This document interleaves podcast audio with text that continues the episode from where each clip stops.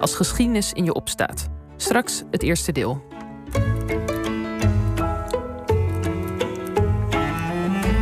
De column van Nelleke Noordervliet. Toen ik 25 jaar geleden begon aan een roman die als thema had de doorwerking van de slavernij, las ik een groot aantal boeken en andere publicaties die me een beeld verschaften van de transatlantische slavenhandel, de driehoeksvaart, de plantage-economie in Suriname en op de Caribische eilanden. Er was heel veel literatuur van historici beschikbaar, vaak nogal academisch getoonzet. Maar ik zocht ook naar andere teksten. Ik vond uiteraard Oronuko van Afra Bain. In menig opzicht een bijzonder boek. Gepubliceerd in 1688 wordt het wel eens gezien als de eerste roman in de Engelse literatuur. En dan ook nog geschreven door een vrouw en dan ook nog over slavernij.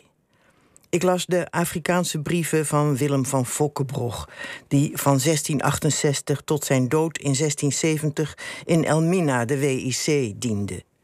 Een eeuw later schreef Elisabeth Maria Post de roman Reinhard.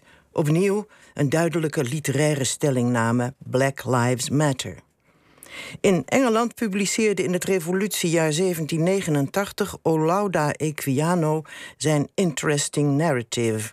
Hij werd geboren in Nigeria in 1745, gekidnapt als tienjarig jongetje en vanaf dat moment in slavernij gehouden tot hij zichzelf wist vrij te kopen en uiteindelijk een gerespecteerd lid werd van de Engelse samenleving en een drijvende kracht in de abolitionistische beweging.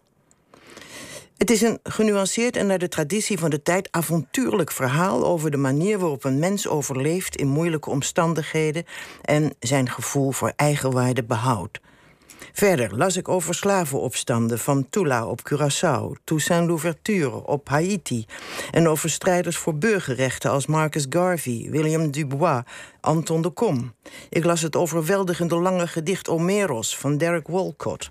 En hiermee wil ik vooral zeggen voor wie wilde en voor wie zocht, was er een vracht aan kennis en aan teksten beschikbaar van verschillende kanten en vanuit verschillende perspectieven.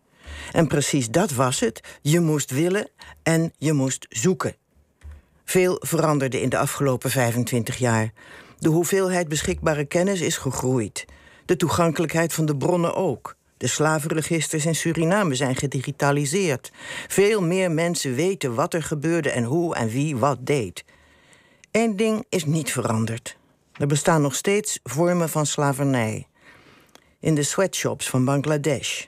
Bij de bouw van voetbalstadions in Qatar. Onder Filipijnse au pairs in rijke gezinnen. En op zoveel andere plaatsen. En hoewel ik daar persoonlijk niet verantwoordelijk voor ben, rust op mij wel de plicht om uit te kijken bij wat ik koop.